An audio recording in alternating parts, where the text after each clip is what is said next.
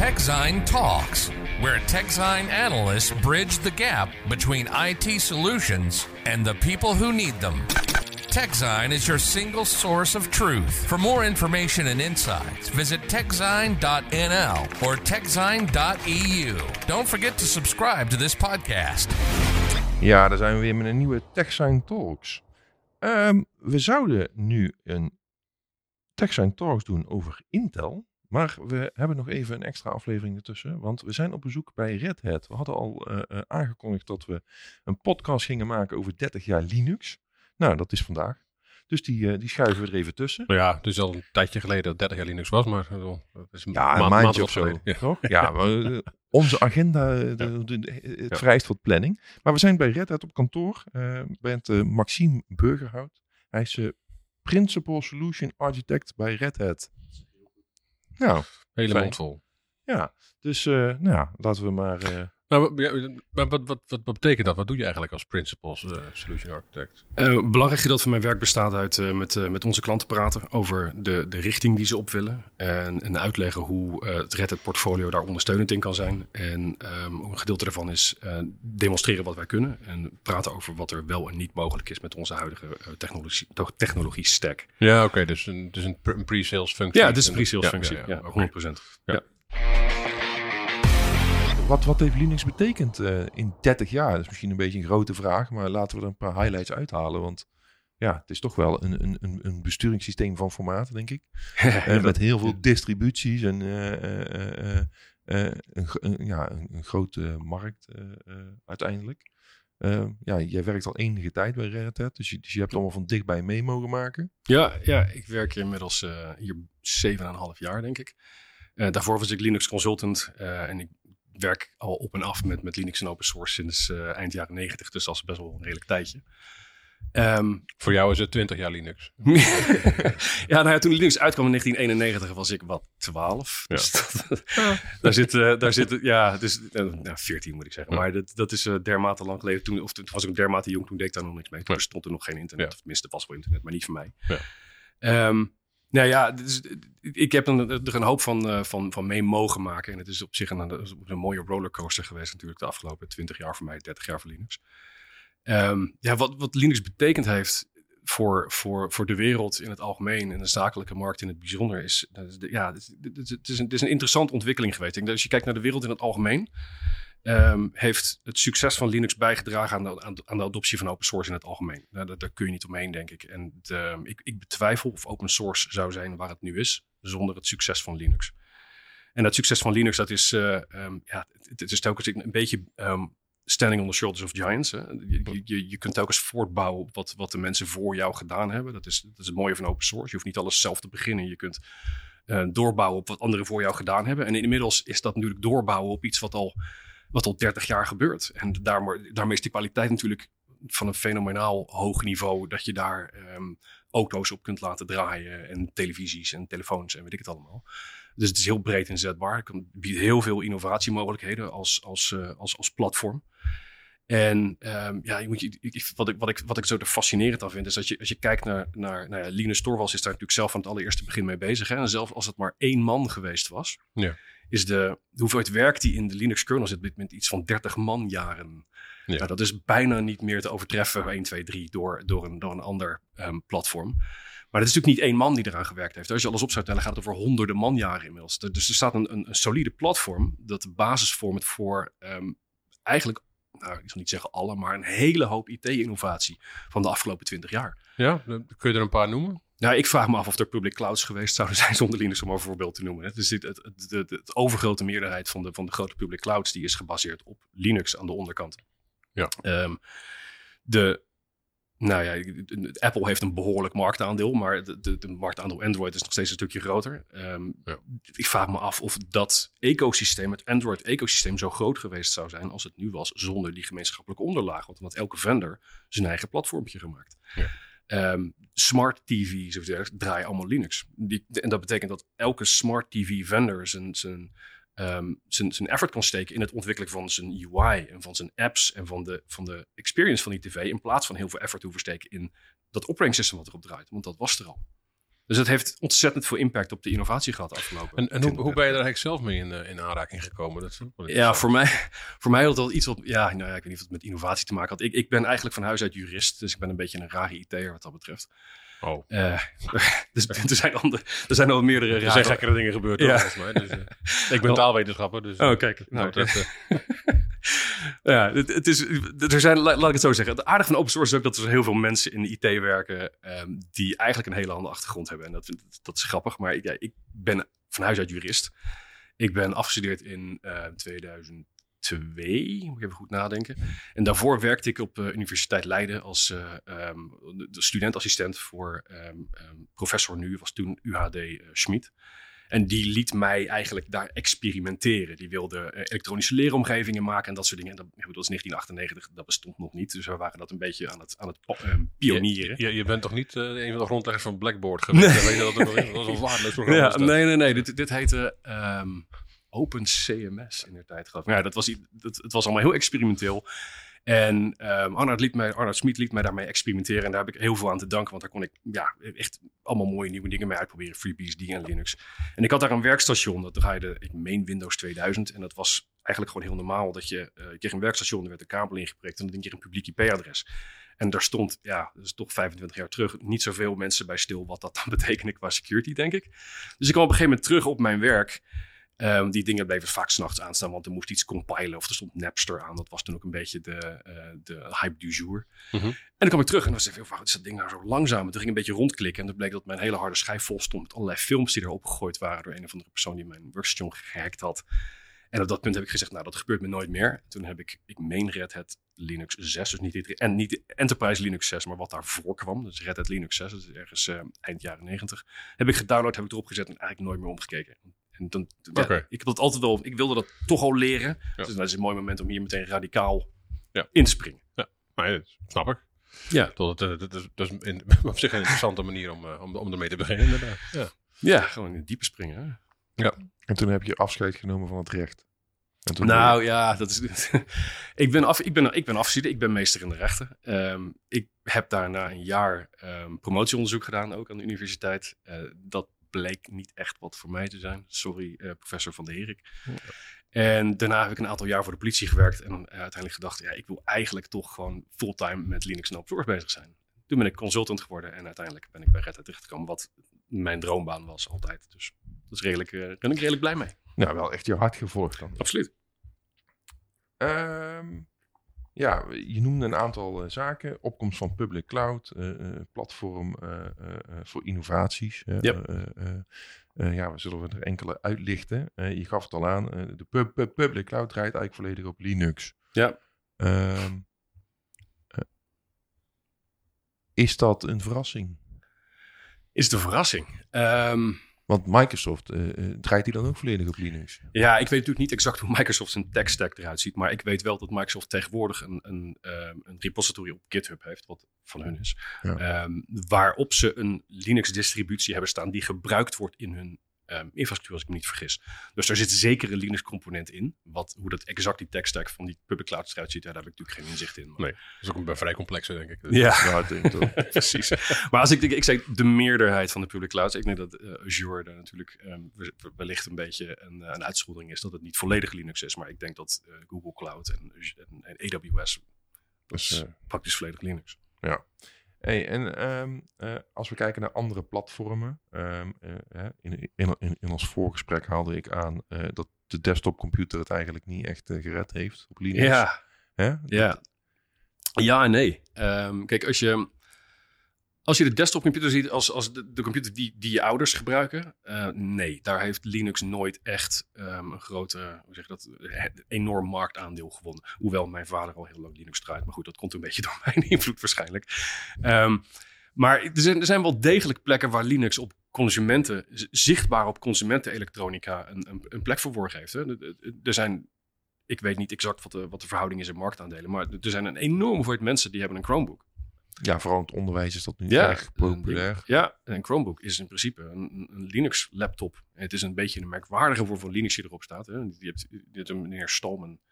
Eh, die heeft het graag over GNU Linux altijd. Nou, daar worden een heleboel mensen een beetje moe van, omdat, omdat dat constant het maar in te hameren. Maar ehm, wat, wat wij als Linux zien, is, is, is Linux met een, met een, ehm, een hele eh, heel scala aan, aan projecten en tools daaromheen uit de, uit de GNU-wereld. Nou, dat is, zoals ik begrijp, Chrome OS is een klein beetje anders. Maar het draait op een Linux-kernel. Uiteindelijk biedt die kernel dezelfde API's op een Chromebook als die zou bieden op mijn laptop die dan Fedora draait. Ja, het Dus- is een alternatieve GNU, zeg maar. Ja, de alternatief Ja. voor, voor nu. Dus, de, dus de Chromebook heeft wel degelijk een, een, een behoorlijke hoeveelheid ehm, consumenten naar zich toegetrokken. De consumenten naar Linux toegetrokken, alhoewel je daar weinig van ziet. Maar goed, wij doen ook ehm, zaken met, met bedrijven die ehm, de Red Enterprise Linux workstations afnemen. En dan moet je denken aan eh, grote bedrijven in de animatieindustrie. Die draaien voor een heel groot gedeelte al hun rendering farms en hun workstations op Linux. Eh, Vanwege, vanwege, vanwege de prestaties of vanwege de... het, het, het gaat, om, het gaat voor een gedeelte om prestaties. Als ik me, goed, dit is niet helemaal mijn, mijn dat is area of expertise, maar het gaat voor een gedeelte om prestaties. Het gaat voor een gedeelte ook om memory management. En dat, dat geldt vooral dat laatste om ehm, bijvoorbeeld ook in, in de olie- en gasindustrie. Er zijn een aantal van die applicaties binnen de olie- en gasindustrie die vragen een enorme hoeveelheid geheugen. Nou, Linux handelt dat beter. Dat is geen mooi Nederlands woord voor. Maar ehm, voor, de, voor de animatieindustrie, en dat geldt voor, ook voor, voor, voor ehm, olie en gas, daar zijn een aantal applicaties die daar cruciaal voor zijn. Die draaien op Linux en die draaien beter op Linux. Dus daar, zijn, daar zijn Linux workstations, hebben daar een behoorlijk marktaandeel. Dus het is niet dat er geen Linux desktop bestaat. Het is alleen niet de use case waar mensen vaak aan denken als je het woord desktop hoort. Ja, de massa heeft het niet bereikt uiteindelijk. Alleen dan, ja, Nou ja, niet- niet- Steam niet- doet, niet- niet- eh, niet doet zijn best. Niet Nee. bewust in ieder geval. Dat is natuurlijk Nee, een beetje, dat is een klopt. beetje, ook een beetje het onderscheid Ja. wat je moet maken. Ja, De- ja. je, als je, als, je als, eh, als, als zakelijke eh, gebruiker kies je bewust voor eh, Ja. eh, eh, Linux. Of, Ja. eh, maar als, als, als, als consument, eh, als jij een Android-telefoon koopt, kies je niet bewust voor. Nee. eh, eh, maar voor het zit er wel onder Het uiteindelijk. zit er wel Ja. onder. Nou, en er wordt natuurlijk nog steeds wel een poging gedaan. Ik jullie het bedrijf Valve, wat eh, Ja, Steam zeker. maakt, die hebben eh, natuurlijk heel lang gehad van een soort Steam OS. Hè. Dat, was, dat was Linux gebaseerd, of het is Linux gebaseerd. Die komen volgend jaar met een ding dat heet eh, de Steam Deck. Ik heb, ik heb er alleen gepre-orderd. Dat is een soort ja, Nintendo, hoe heet zo'n ding? Nintendo Switch. Ja. Maar dan met Linux erop, waar je je hele Steam library op kunt draaien. En daar wordt dus wel, er zijn wel interessante ontwikkelingen op dit vlak. Hè? Want zij zijn ook heel erg bezig met het, eh, god hoe heet het ding nou, Eh, Proton maken. En dat is een soort variant van Wine, meen ik, waarmee je die games die in je Steam library zitten allemaal op dat ding moet kunnen gaan draaien straks. Hm. Dus er zijn wel ontwikkelingen nog steeds. ja, en verder eh, zit het in auto's en in televisies. het zit overal. Ja. Ja. Op Apple zal ongetwijfeld ook nog een laag zitten. Of is dat meer Unix? Ja. Apple, het- zoals ik het altijd begrepen heb, hebben die, hebben die een, eh, een, een aangepaste BSD-kernel. Eh, is Darwin is een BSD-kernel. Dus het, is Ja. net, het, het is ook een Unix, maar het is niet hetzelfde als Linux. Nee. Ja, en inderdaad, auto's. Hè, dat, ook daar is het een, een groot platform aan het worden. We zijn ook heel erg bezig om een Red Hat Enterprise Linux voor de automotive-industrie te maken. En moet ik dan denken aan die schermpjes in die auto's? Of meer- Eigenlijk alles. Eigenlijk alles. Kijk, dus het, ik, ik, ja, ik, ik heb het geluk dat ik in een, in een Tesla mag rijden. Ehm, daar zitten ehm, zowel zo'n zo'n groot scherm in met infotainment als een, ehm, een, een systeem dat die auto zelf laat rijden. Dat zijn twee losse systemen. Heb ik me altijd laten vertellen, hoop ik. Ik hoop het ook, ja. Nou, ik heb niet- er ook wat ervaring mee, maar Ja. eh, ik hoop dat. Nou ja, dat, dat scherm waar filmpjes op draaien, zeker toen ik het ding net had, dat, dat wilde nog wel eens, eh, dat wilde nog wel eens crashen. Maar de, de, het, het idee is natuurlijk op het moment dat je je auto, eh, automotive industrie, naarmate dat meer beweegt naar elektronische of elektrische auto's, EV's, wil je dat daar steeds meer ehm, slimheid ingebouwd wordt eigenlijk. Want ja, dat is eigenlijk een rijdende computer. Nou, als je daarvoor een platform kunt bieden, waardoor zo'n automotive bedrijf, of het nou eh, Tesla is of, of Polestar of wie dan ook, BMW, Volvo, dat die zich allemaal kunnen richten op het, wat er voor de gebruiker zichtbaar is, in plaats van het hoeven investeren in de, in de platformlaag. Ja. Dan kan dat een veel snellere vlucht nemen dan wanneer iedereen op, op zichzelf daar een, een, een Linux onder gaat zitten onderhouden. Want dat, ja, dat biedt weinig Ja. ehm, toevoegde waarde op dat. Ja. Ehm, je gaf ook aan, je vond Linux een soort andere cultuur hebben. Een, een, de- de- of een starter van de open source cultuur misschien. Nou ja, eh, wat ik bedoelde is dat, dat de, de, de, ik, ik denk dat de wereld er anders uit zou zien, oprecht, als het succes van Linux niet zo enorm geweest zou zijn. Die, de, de, de, de manier waarop ehm, developers met elkaar samenwerken tegenwoordig, de, de, de hele DevOps-cultuur, eh, dingen als eh, inner source, waarbij je je bedrijfscultuur gaat, gaat modelleren naar open source communities. Dus dat is natuurlijk vreselijk interessant. En ik, ik denk niet dat dat bestaan zou hebben zonder een enorme open source community. Nou, die enorme open source community heeft zonder enige twijfel een vlucht genomen door de beschikbaarheid van heel, heel veel hoogwaardige kwaliteit open source software. En open source is ouder dan Linux. Hè. Dat is, het stamt uit de jaren eh, 60 en 70 als je helemaal teruggaat naar het begin. Maar ja, het, het, het succes van Linux heeft daar onmiskenbaar aan bijgedragen. Want dat betekent dat er opeens een volledig open source besturingssysteem was. En dat was er voor Linux niet. Alles eromheen bestond wel, maar er was geen kernel. Ja. Ja. Dus dat, dat, heeft er wel bij, dat heeft er zeker aan bijgedragen. En die cultuur is eh, soms heel mooi, soms ook een beetje ingewikkeld, denk ik. Open source cultuur. Maar Hoe, hoe, hoe, hoe bedoel je dat? Ingewikkeld? nou, er zijn, ik denk dat je binnen de open. dit- Wat er op dit moment bezig is, en dat, dat is een positief, vind ik in ieder geval een hele positieve ontwikkeling, is dat er heel veel bewustzijn ontstaat binnen de open source community. Dat eh, een open source community voor iedereen moet zijn en van iedereen moet zijn. Maar ik denk dat niet dat elke community daar al ehm, helemaal klaar mee is, zeg maar, om van en voor iedereen te zijn. Er zijn je ziet steeds meer dat steeds meer conferenties ehm, een code of conduct opstelt. Ja, het feit dat dat gebeurt is natuurlijk een positieve ontwikkeling. Het feit dat het nodig is, Ja. is dubieus. Ja, dat, is, dat, dat klopt. Maar waar, waar ligt dat aan, denk je dan? Is het... ehm, er zit, ja, hoe, hoe komt dat? dat, Ja. dat, dat, dat, eh, dat die cultuur op de een of andere manier eh, zo is zoals die is. Ja, dat is een goede vraag. Eh, ik ben geen eh, socioloog of iets dergelijks. Ehm, en er, zullen ongetwijfeld mensen nu iets roepen als... eh, er zit een component toxic masculinity is geloof ik een beetje een hip woord op dat vlak. Ik weet niet of dat het is. Ehm, ik denk wel dat er... ehm, ja, het is, het is een goede vraag. Ik, ik, ik, weet, ik weet niet zo goed waar, waar, ik- Maar welke rol zou speelt, eh, speelt, speelt eh, zeg maar de, de, de, de, de, chef, chef Linux erin, zeg maar. Linux, want die, die, die staat ook bekend als iemand die misschien niet per se ehm, ja, volgens de gangbare normen omgaat met, eh, met, met, met, met, met dingen, zeg maar. Nee, ik denk dat als je, als je de Linux kernel mailinglist volgt, dan wordt daar van tijd tot tijd behoorlijk stevig op gediscussieerd. En daar wordt ook niet een blad voor de mond genomen. Ehm, ik denk dat dat soms. ehm, De ik, ik denk, communicatie is vrij direct. de we communi- zeggen. ja, de ja, dat zeg je heel mooi. Eh, en ik denk dat dat soms, kijk, als het doel daarvan is om, om eh, een bepaalde richting van, van een ontwikkeling bij te sturen, ehm, dat dat eh, op zich doelmatig is, maar dat maakt het niet correct, als je begrijpt wat ik bedoel. Het, het, het, de manier waarop het erbij gestuurd wordt, ehm, kan denk ik soms best wel een beetje voor, voor mensen, ja, hoe zeg je dat? Ja, off-putting. Ik weet er geen Nederlands woord voor, maar je, Ja, creëert een situatie waarin je, waarin je ehm, waarschijnlijk als je dit wat anders geformuleerd had of hier een wat meer open discussie gevoerd had, dat je wat mensen wat meer van je naar je toe zou trekken in plaats van van je af zou stoten. De Linux kernel community is ehm, ja, soms, dat is een van de dingen die ik net bedoelde met ingewikkeld. Maar zijn het Ja. dan die, die om, het, hè, om het dan maar gewoon eh, eh, wat platter te maken, echt die, die diehard nerds die, die, die het gewoon niet los willen laten? Die bepaalde, di- die bang zijn dat, dat hun project dan ontspoort of zo? Of, of dat hun ontwikkelingen te niet worden gedaan? Of hoe moet ik het zien? Ja, dat, dat zijn jouw woorden. Ik, ik, dat, Nou dat- ja, ik, ik maak het misschien wel wat plat, maar hè, eh, dit zijn mensen die al Ja. heel lang meelopen en die, die, die, die, die misschien een beetje voldoen aan het stereotype eh, uit, uit de beginjaren van de idee, om maar zo te zeggen. ja, Eh, die op een zolderkamertje iets in elkaar getimmerd hebben. En dat is een heel groot succes geworden. Maar en de, alle, alle, alle, alle respect uiteraard. Maar het Mhm. wordt steeds breder. En dat betekent ook dat er, zoals je zelf aangaf, er komen bredere doelgroepen bij kijken. Die daar Ja. natuurlijk ook eh, aan, Het is, aan moet je, ook niet eenvoudig hè, om eh, even 30 jaar, eh, Nee, nee, nee. 30 jaar succes eventjes, eh, even, even om, even om te bouwen natuurlijk. Nee, nou dat. En kijk, het is natuurlijk wel zo dat, dat dat, dat weet ik inmiddels wel uit alle eh, discussies die hierover over gevoerd worden. Hè? Dat, dat, dat, als je een community van mensen hebt, een groep mensen, die allemaal op dezelfde manier denken, dan is de uitkomst van een discussie vrij voorspelbaar. En dan ga je waarschijnlijk als community een bepaalde kant op. Het wil niet zeggen dat dat de juiste kant is. En dat dit betekent ook dat die discussie waarschijnlijk vrij eenzijdig is. Terwijl als je je community wat diverser is, met mensen met verschillende meningen, dan heb je in ieder geval ehm, de mogelijkheid om een open, transparante discussie te voeren over de richting. En misschien ga je er wel niet rechtsaf. Ja. Misschien ga je er maar de grote vraag is natuurlijk, hoe, hoe, hoe bereik je die mensen? Hè? Want Ja. Aan de ene kant het zeggen is één. Maar Ja. eh, de, de andere kant is natuurlijk dat je, dat je ze ook moet, moet kunnen bereiken. En, Ja. eh, ja, dus, dus ik denk dat er, dat er in, de, in de markt, eh, in de arbeidsmarkt heel veel eh, talent is dat op dit moment niet aangesproken wordt. Omdat, het, omdat ze in, eh, in, in, in gebieden wonen waar ze gewoon minder kansen krijgen. Of in, in wijken of weet ik veel wat.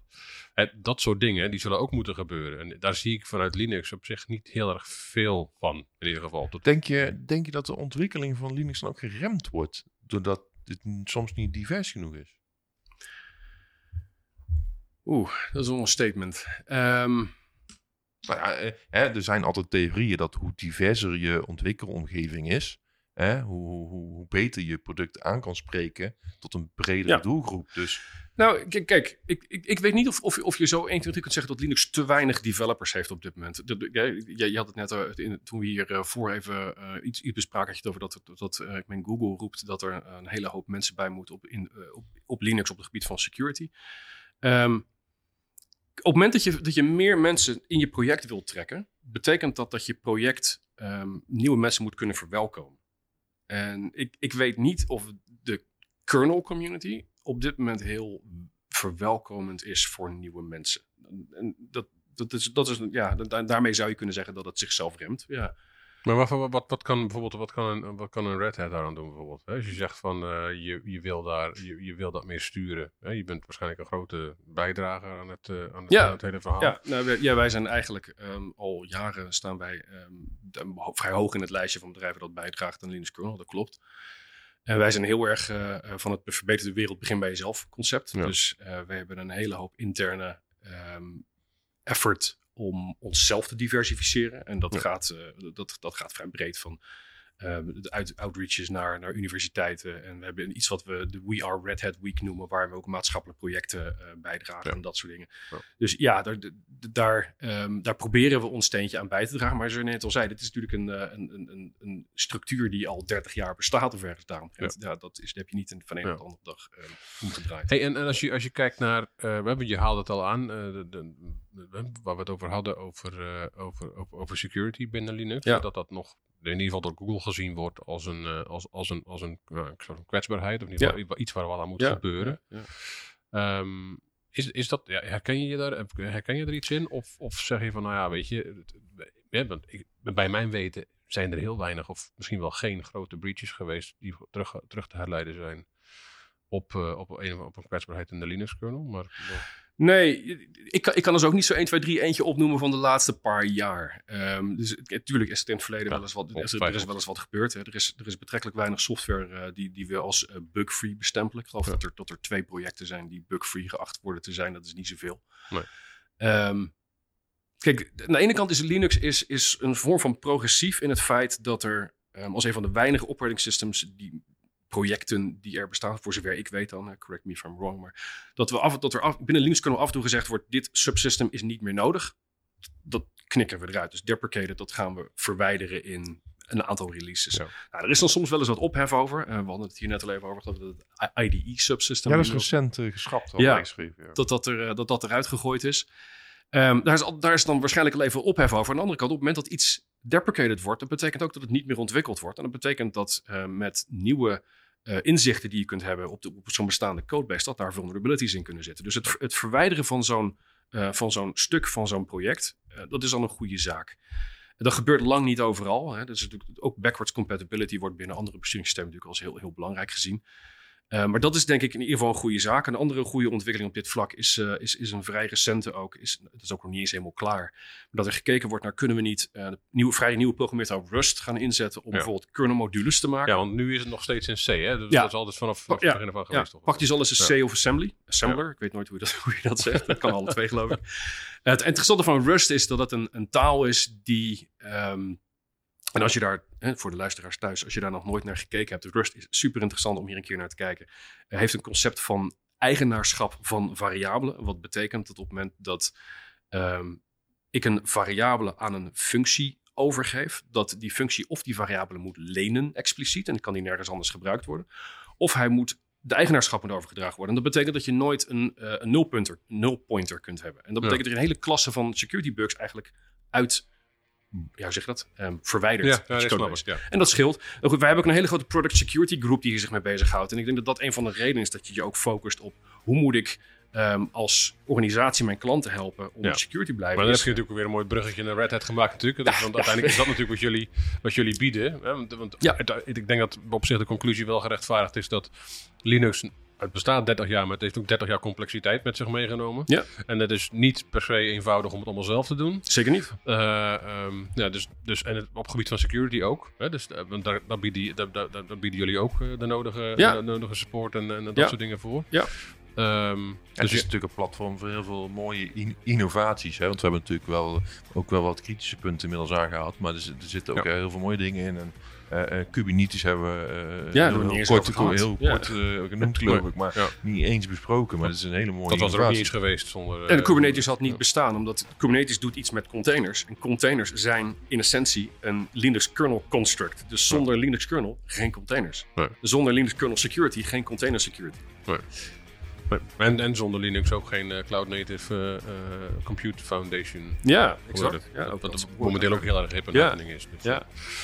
Alright. Ja, dus eh, ik denk, eh, ja, we hebben het eh, even kort behandeld. 30 jaar Linux. Maar volgens mij hadden we nog wel een half uur door kunnen bewijzen van. Wat mij betreft de hele dag. Ik weet niet of de luisteraars dat zo leuk vinden, maar... eh, als we weer mogen vliegen. Je wel heel, heel graag Ja, vliegen. precies. Een terugkerend feuilleton. Ach ja. Hey, dankjewel. Graag gedaan. Leuk. Nou eh, mensen, bedankt voor het luisteren weer. En vergeet je niet te abonneren. Eh, eh, deel deze aflevering weer met vrienden, familie, kennissen, relaties, noem maar op. En dan tot de volgende keer. TechZine Talks. Ja, tot de volgende keer. Dan zijn we er echt met de Intel podcast over hoe gaat het met Intel en gaat het allemaal wel de goede kant op. Visit techzine.nl or techzine.eu. Don't forget to subscribe to this podcast.